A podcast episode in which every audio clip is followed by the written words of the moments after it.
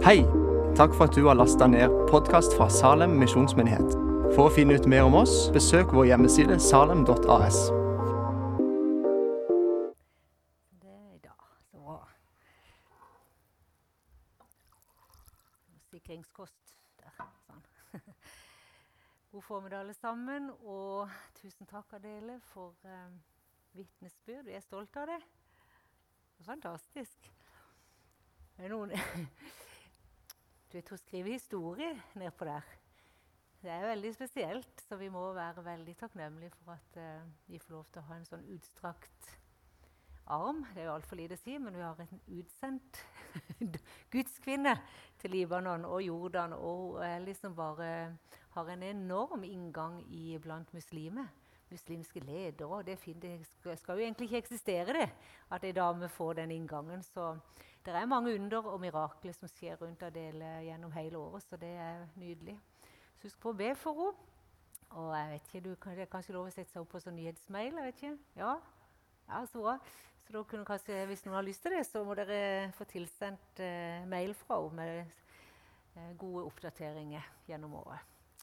Ivar, tusen takk.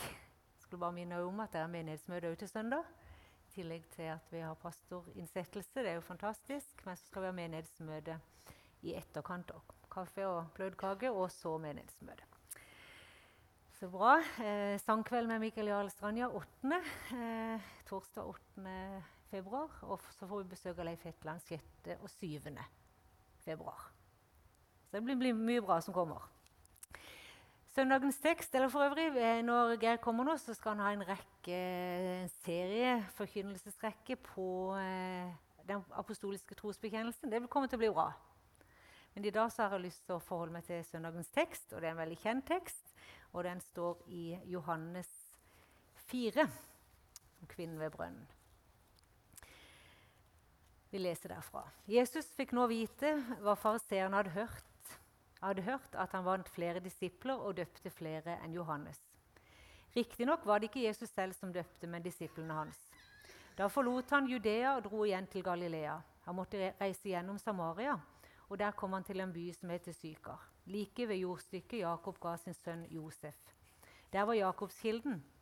Jesus var sliten etter vandringen, og han satte seg ned ved kilden. Det var omkring den sjette time. Da kommer en samaritansk kvinne for å hente vann. Jesus sier til henne, 'La meg få drikke.' Disiplene hans var nå gått inn i byen for å kjøpe mat. Hun sier, 'Hvordan kan du som er jøde, be meg, en samaritansk kvinne, om å få drikke?' For jødene omgås, ikke samaritanerne. Jesus svarte, 'Om du hadde kjent Guds gave' og, had, og visst hvem du er som ber deg om å drikke, da hadde du bedt ham, og han hadde gitt deg levende vann. Herre, sa kvinnen, du har ikke noe å dra opp vann med, og brønnen er dyp. Hvor får du da det levende vannet fra? Du er vel ikke større enn vår stamfar Jakob? Han ga oss brønner, både han selv, sønnen hans og buskapen drakk av den. Jesus svarte, Den som drikker av dette vannet, blir tørst igjen. Men den som drikker av det vannet jeg vil gi, skal aldri mer tørste. For det vannet jeg vil gi, blir i ham en kilde med vann som veller fram og gir evig liv. Kvinnen sier til ham, Herre, gi meg dette vannet, så jeg ikke blir tørst igjen og slipper å gå hit og hente opp vann. Da sa Jesus til henne, 'Gå og hent mannen din, og kom så hit.' 'Jeg har ingen mann', svarte kvinnen. 'Du har rett når du sier at du ikke har noen mann', sa Jesus. 'For du har hatt fem menn, og han du nå har, er ikke din mann.' 'Det du sier, er sant.' 'Herre, jeg ser at du er en profet', sa kvinnen. 'Våre fedre tilba Gud på dette fjellet.' 'Men dere sier at Jerusalem er det stedet dere skal tilbe.' Jesus sier til henne, 'Tro meg, kvinne, den timen kommer da det verken er på dette fjellet eller i Jerusalem dere skal tilbe Far.' Dere tilber det dere ikke kjenner, men vi tilber det vi kjenner, for frelsen kommer fra jødene. Men den time kommer, ja, den er nå, da de sanne tilbedere skal tilbe Far i ånd og sannhet. For slike tilbedere vil Far ha. Gud er ånd, og den som tilber ham, må tilbe i ånd og sannhet. Jeg vet at Messias kommer, sier kvinnen. Messias er den samme som Kristus, og når han kommer, skal han fortelle oss alt. Jesus sier til henne, 'Det er jeg, jeg som snakker med deg.' I det samme kom disiplene hans, og de undret seg over at han snakket med en kvinne. Men ingen av dem spurte hva han ville, eller hvorfor han snakket med henne. Kvinnen lot nå vannkrukken sin stå og gikk inn i byen og sa til folk.: Kom og se en mann som har fortalt meg alt jeg har gjort. Han skulle vel ikke være Messias. Da dro de ut av byen og kom til ham.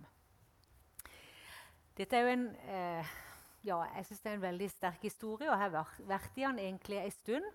Eh, og Derfor syns jeg det var litt ekstra uh, godt når det var søndagens tekst. Men her ser vi en historie hvor uh, Jesus har vært i Galilea. Han velger å ta veien om Samaria. Det var den korteste veien, men det var ikke den letteste veien, har jeg lest. men han valgte det. Og så står det at Jesus var sliten etter vandringen, og så satte han seg ved kilden. Eh, og kan bare sende den ut litt med en gang. Kanskje noen av oss òg kan kjenne det sånn av og til. At vi kan kjenne oss sliten etter det som har vært, og vi har behov for å sette oss ned ved kilden. Men det er noe underlig der, eh, for det står at Jesus måtte gå gjennom Samaria. Måtte egentlig ikke det, Men hvorfor måtte han det? Så har jeg bare gjort meg noen refleksjoner på det. Kanskje var det fordi at han, fra, at han visste at når jeg kommer til Jakobskilden, så kommer jeg til å møte ei dame der. Kan være. Det er langt ifra utenkelig at det var forutbestemt at Jesus visste at langs den veien, selv om det var den mest krevende veien å gå, så er det ett menneske som jeg kommer i møte med.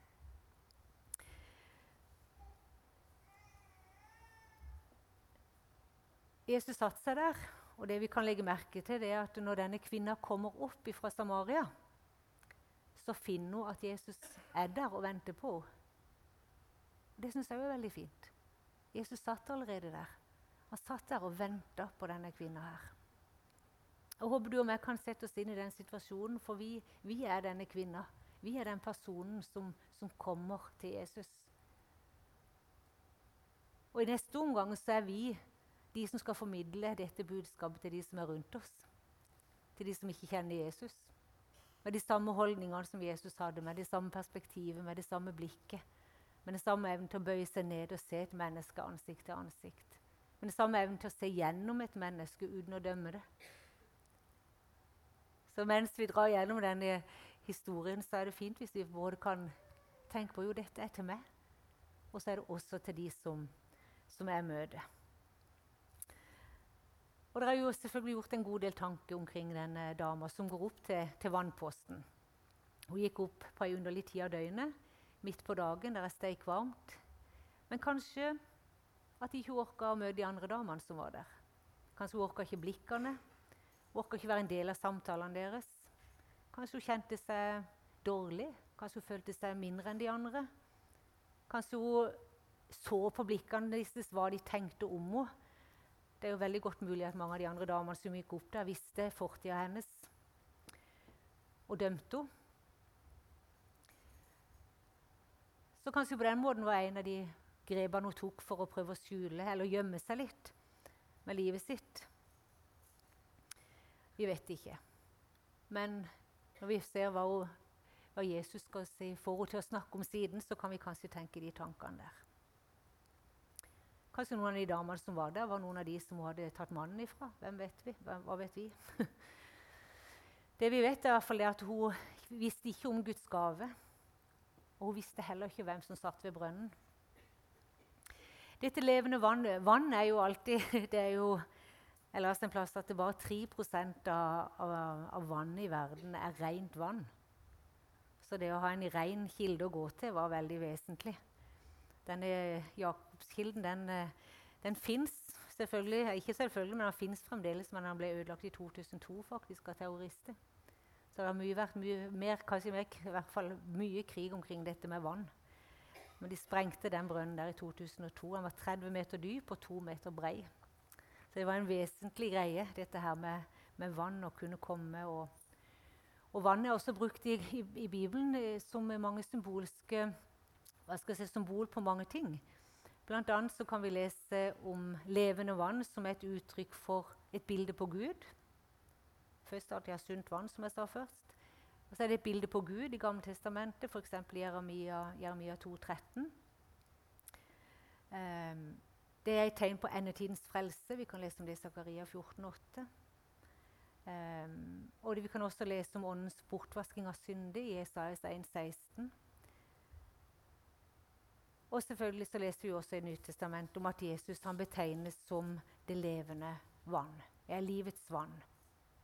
Og Guds ord, selvfølgelig.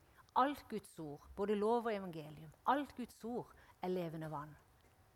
Guds ord er levende, og det betegnes som livets vann. Og det er levende vann for du og meg. Men det som vi kan la oss fascinere her, det er det at, eh, eller det som jeg synes er nydelig, det er det at Jesus han, For det første at han var der. Og det kan vi ta til oss. At Jesus han er der når vi kommer. Hun kom liksom bare opp fra Samaria med hele livet sitt. Og Jesus var der og tok imot henne. Og Det andre som vi kan se, det er at, eh, at Jesus han ser. Han ser åssen denne her kvinnen har det.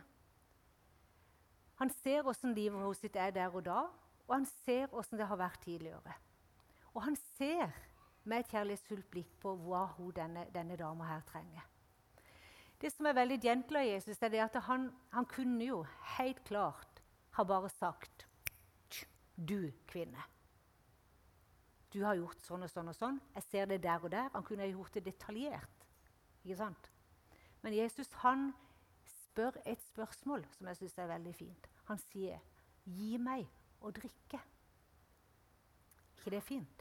Og i det øyeblikket så ber Jesus om at hun skal fortelle om livet sitt, egentlig, når det kommer litt lenger ned i historien. Hva kunne hun gi? Jo, hun kunne gi han vann. Hun kunne gi han fysisk rent vann. Men det er ikke det Jesus spør om her. Han spør henne gi meg å drikke. Og det gjør han i det øyeblikket at han sier, 'Gå og hent mannen din'.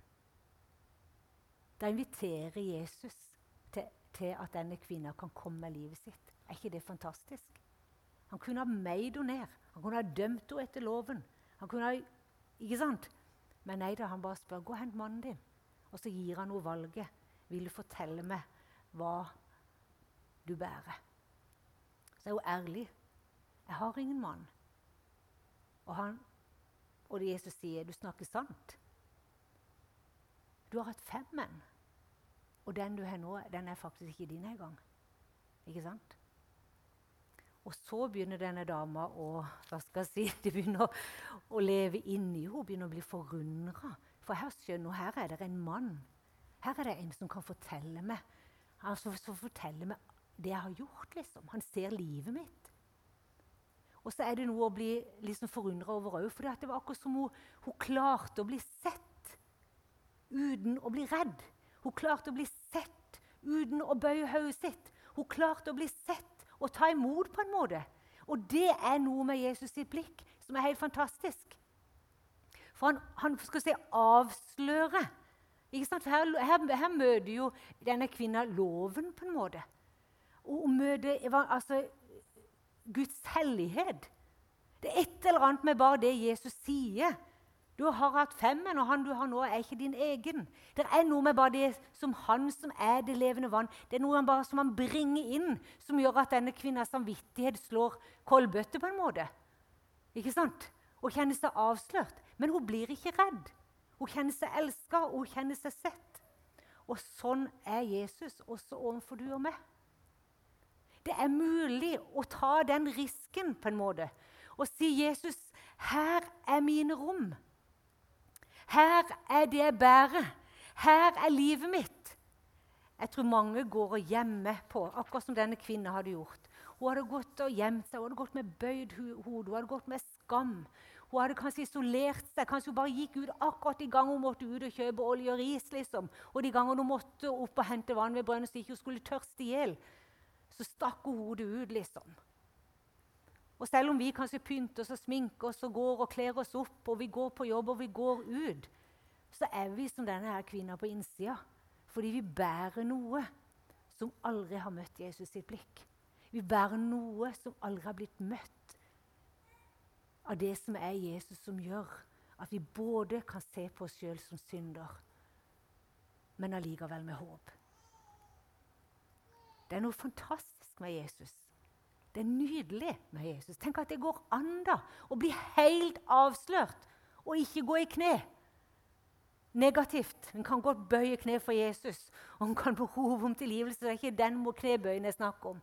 Men uten å bare ramle sammen, uten å bli nedbøyd. og skamfull. Det er fantastisk. Og det skulle jeg ønske at jeg kunne bringe til menneskene som er rundt meg. Den samme kjærligheten, det samme blikket. Det der som har vært med Jesus i det øyeblikket der. At det er gjenopprettelse. Og denne samaritanske kvinnen de venter på en annen Moses. på en måte. De venter på Messias, og de på, og for de så betydde det gjenoppretteren. Og det er jo det denne kvinnen her kommer i møte om. Og denne gjenopprettelsen denne gjenopprettelsen skulle komme, han skulle fortelle dem alt, står det. Og her står hun. Er du Messias? Er du han som skal komme? Er du han som skal fortelle oss alt? Og så siger det innover at hun står. Plutselig så skjønner hun Jesus' identitet. Plutselig så skjønner hun hvem som er der. Og så fatter hun begripet at her er det Messias, han som skal komme og frelse. Og da er min utfordring i formiddag det at vi skal våge å gå inn i våre rom.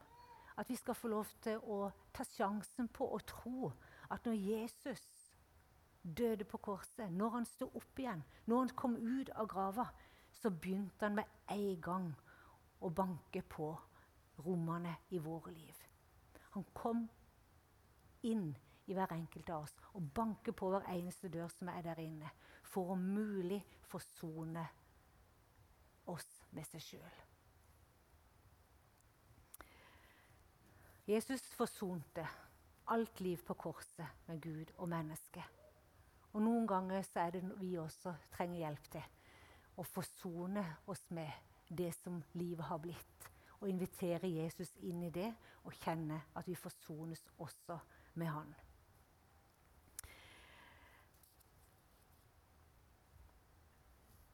I 2. Peters brev 2,6 står det Han bar våre synder på sitt legeme opp på korset. Så vi skulle dø bort fra synden og leve for rettferdigheten. Ved hans sår har dere fått legedom.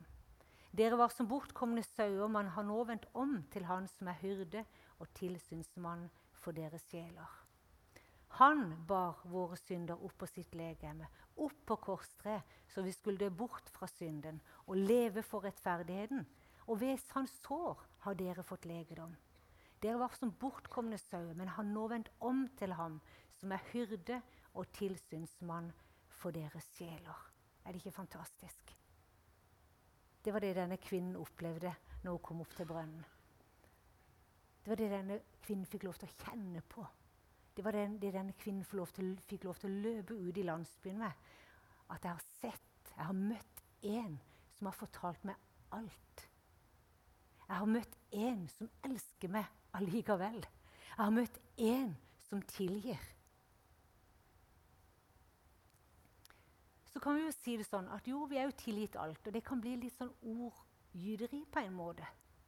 Men nå har jeg lyst til å bare spørre meg sjøl, og jeg spør deg Har du blitt tilgitt alt? Har du våget å la Jesus se inn i alle rom i ditt liv? Eller er det noe du bøyer hodet for? Eller er det noe du fortsatt gjemmer? Er det noe du enda ikke har turt å la Jesus sitt blikk møte? Og hvis det er ja, så er det min inderlige bønn i formiddag. At du skulle kjenne at tida var inne for å si Jesus. Takk for at du er oppstått. Og takk at når du sto opp, så hadde du allerede vært i alle mine rom. Og han bare ber oss om å åpne døra, sånn at han kan komme inn der som vi sliter. Der som vi er be, be, si besudla, eller der som vi er fulle av skam. Eller der vi bærer en byrde som Jesus bar på korset. Det er det, vet du. Vi bærer det om igjen helt unødvendig. Vi bærer det om igjen og går knekt. Vi bærer det om igjen og klarer ikke å rette ryggen.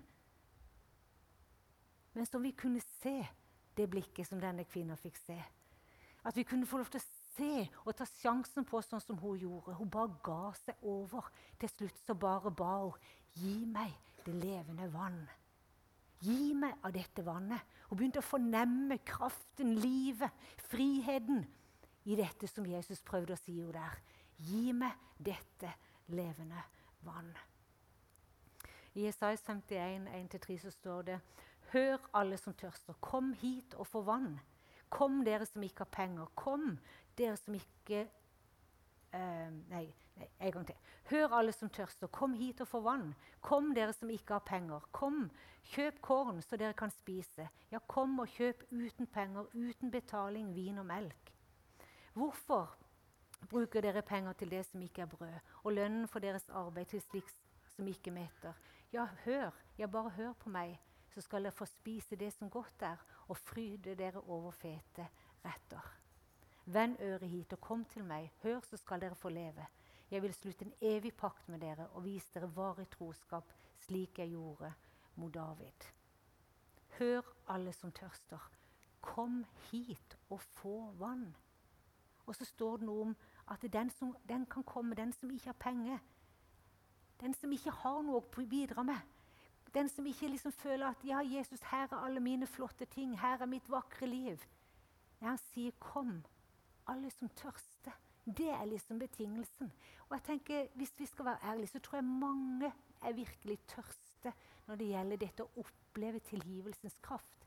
Det å oppleve at syndebyrden blir løfta ut og vekk. Dette å oppleve at rent vann, levende vann, åndens kraft og åndens liv så det skyller gjennom livet.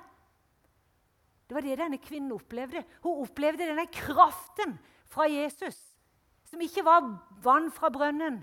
Vi drikka sprukne brønner, ikke sant? I det øyeblikket der så var plutselig den Jakobskilden Det var ikke det vannet det dreide seg om. Og vi drikker så mange brønner, vet du. Og de lekker. Men vi lengter etter å få del i det denne kvinna så og kjente og erfarte. Levende vann fra Gud. Levende vann, åndens kraft, åndens liv, åndens åpenbaring, åndens virke. Som gjør at vi kan reise oss opp og gå ut av dette lokalet og kjenne vi er som nybada unge. Vi kjenner oss frie, frigjorte, satt ut i frihet, løst fra lenke, løst fra syndebyrde. Hvorfor det? Jo, fordi vi har drukket levende vann. Vi har kommet med tørsten. Og vi kan gå tørst i et helt liv på noen områder. Fordi vi tror ikke at evangeliet og det Jesus gjorde på korset, rakk akkurat for den biten. Men i det øyeblikket Jesus steg ut av grava, så hadde han besøkt alle stedene vi har vært. Han har vært i alle situasjoner. Han har smakt på alt du har gått igjennom. Han har kjent på alt du har gjort. Og han har sett Guds vredes dom over ditt og mitt liv. Han har betalt prisen. Han betalte en uhorvelig pris. Ikke sant vel? Det er en uhorvelig pris betalt i Jesus. Og han så det i vidøyet. Hver eneste krinkel, hver eneste krok, hver eneste tanke, hver eneste handling. Alt vi gjorde som ikke vi skulle ha gjort. Alt vi ikke gjorde som vi skulle ha gjort. Alt som er gjort imot oss. Alt som urettferdig har truffet oss. Det er ikke en millimeter av det som ikke han hadde bak seg når han sto opp og gikk ut av grava. Er ikke det fantastisk? Vi må tenke på det. Han har allerede vært der. Hvorfor går vi og bærer på syndebyrde? Hvorfor går vi og bærer på skammen? Hvorfor går vi og bærer? Noen ganger trenger vi legedom fordi det er skjedd ting. Vi trenger legedom fra våre egne lovbrudd og hva det har gjort med oss. Rett og slett. Vi trenger legedom. Vi trenger kraften i Jesu blod inn på vår egen samvittighet fordi vi har gått altfor langt. Vi trenger legedom fordi at noen andre har gått altfor langt i livene våre. Ikke sant? Det kan være.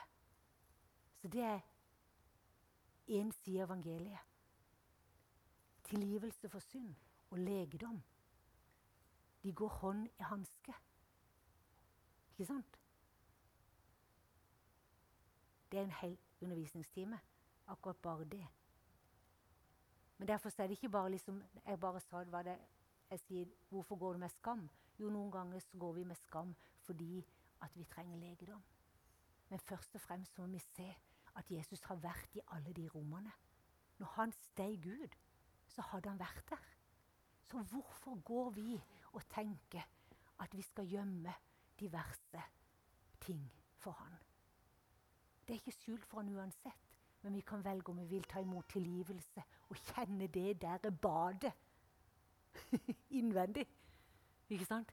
Eller om vi vil gå og kjenner på at det tynger, og at vi ikke opplever friheten som fins i frelsen i Jesus Kristus. Jesus gjør mennesker han møter vakre, var det en som sa. Og Hvis vi legger merke til det, så er det et veldig godt utsagn. Når vi leser evangeliene, hvordan Jesus gikk fra én til én. Og vi kan se hvordan han gjorde de vakre. Og det vi kan se med disse menneskene som Jesus møtte, det var akkurat som de bare ga hele seg. De holdt ikke noe tilbake. Kvinnen ved brønnen òg ropte ut til landsbyen. 'Kom og se en mann som har fortalt meg alt.' Du ville jo ikke tenke at det var noe å rope på byen for. Men hun kunne ikke holde seg, for hun hadde møtt en umotståelig kjærlighet. Jesus er vel kanskje den eneste ikke kanskje, men han er vel den eneste som, som vi kan være sikre på ikke sårer oss når vi bærer fram det mest sårbare og vonde i livet vårt. Jeg tenkte på det når jeg skulle forberede den her, og var akkurat i den, de setningene der. Så tenkte jeg bare på mine egne unge jente. Hvis de kommer med noe som er sårbart, eller hvis de kommer med noe som er vanskelig, eller hvis de kommer med livet sitt som er skjørt, så er det mitt inderligste ønske at de skal kjenne at jeg blir tatt imot med varhet og respekt. Sånn er Jesus. Du kommer ikke til han og bærer fram det innerste, så får du det inn på fleisen. Det skjer ikke. Han behandler det som vi bærer da, som det vakreste vi kan bære fram. Hvorfor det? Jo, for det var det han døde for. Det var jo nettopp dette han døde for. Kan du tenke for en befrielse og glede? Det står i Esaias 53 at han skal mettes når han ser at det han gjorde på korset, får effekt i mitt og ditt liv. Ikke sant? Og det er jo sånn, du, du, Vi føler vi kommer med, med gørr, med sår, med smerte, med skam. Og vi er ikke stolte. Vi kommer liksom 'Jesus, dette er mitt liv.' Ikke sant? Men i hans hjerte så er det en annen respons. Jeg tror han tenker 'endelig'. Endelig kommer hun. Endelig kommer han. Med det som jeg for 2000 år siden gjorde opp for. Endelig skal jeg få vaske det bort. Endelig skal jeg få revet lenkene av hendene hennes. Endelig skal jeg få løsna lenkene om føttene så han kan gå. Endelig så skal jeg lette hjertet så lovsangen kan stige til himmelens trone. Endelig så kan lovsangen stige fra ånd. Og tilbedelse blir en tilbedelse i ånd og sannhet. Vet Det er en begeistring i Guds hjerte når vi kommer. Derfor skulle vi løpe etter korset. Vi skulle forte oss å bli ferdig med ting. Og Gud gi oss nåde til å bringe de samme nyhetene ut til alle som er rundt oss.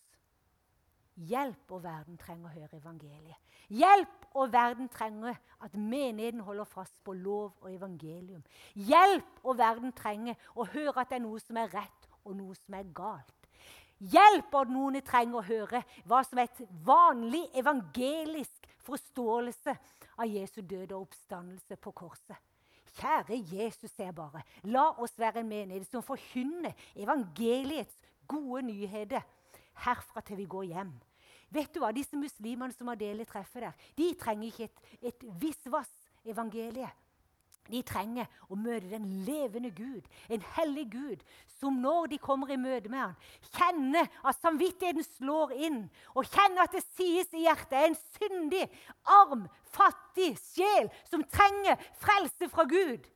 Og så kan vi si ja, det fins frelse i evangeliet. Det fins frelse i Jesus. Så her kan du legge ned ditt gamle liv, og der er det nye livet ditt. Gratulerer! Halleluja, du har gått fra døden til livet. Fra mørke til lys. Det trenger mennesker å høre. Så vi skal ikke skamme oss for å forkynne evangeliet. Jesus, Guds ord er gjennomsyra av nettopp dette. Og det er vår frihet, og det er det glade budskapet som du og jeg kan få lov til å bringe ut til alle vi treffer.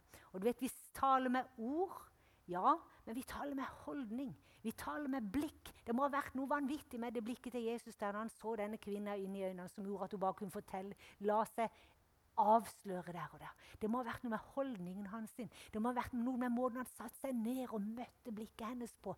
Vet du, Vi, er, vi har forskjellige tjenester, forskjellige oppgaver. Men du vet, med alt hva vi er, så kan vi bringe nåde. Kan vi lokke mennesket inn? Kan vi stille noen spørsmål? Så kan vi gjøre noen handlinger som gjør at de spør Gi meg det du har. Så våger de kanskje å gi oss det de har. Men vi kan bringe det til Han som tåler alt og ser alt og elsker oss over alle ting.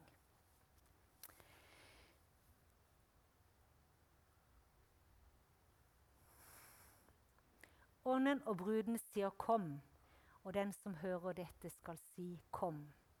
Den som tørster, skal komme, og den som vil, skal få livets vann forintet.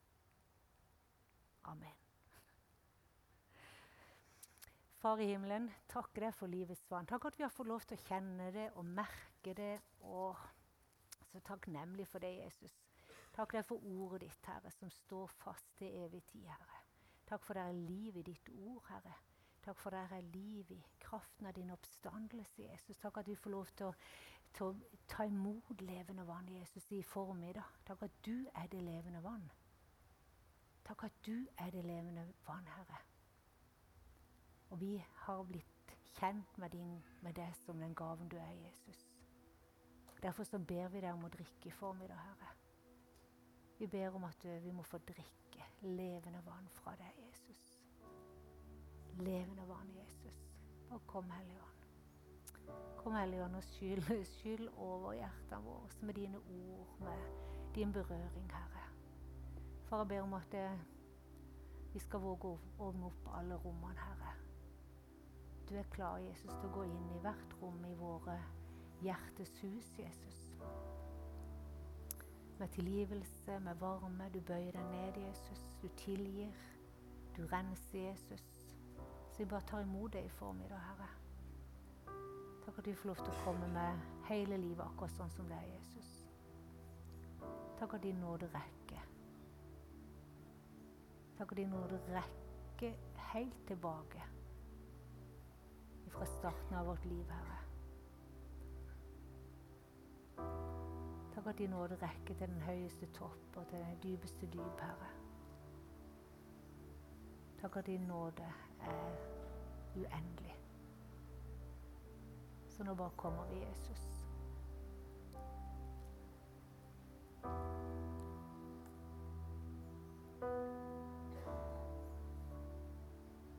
Takk at du var villig, Jesus, til å gi livet ditt for oss. Takk at du var villig til å ta straffen for det som vi har gjort, og det vi var skyldige i, Herre. Takk at du var villig til å gå inn i alle våre rom, Jesus.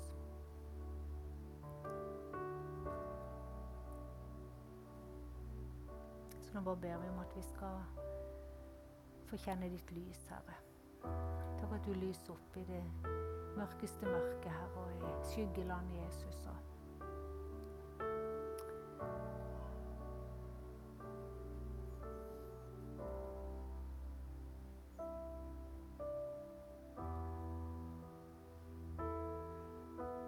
Vi tørster, Herre. Vi tørster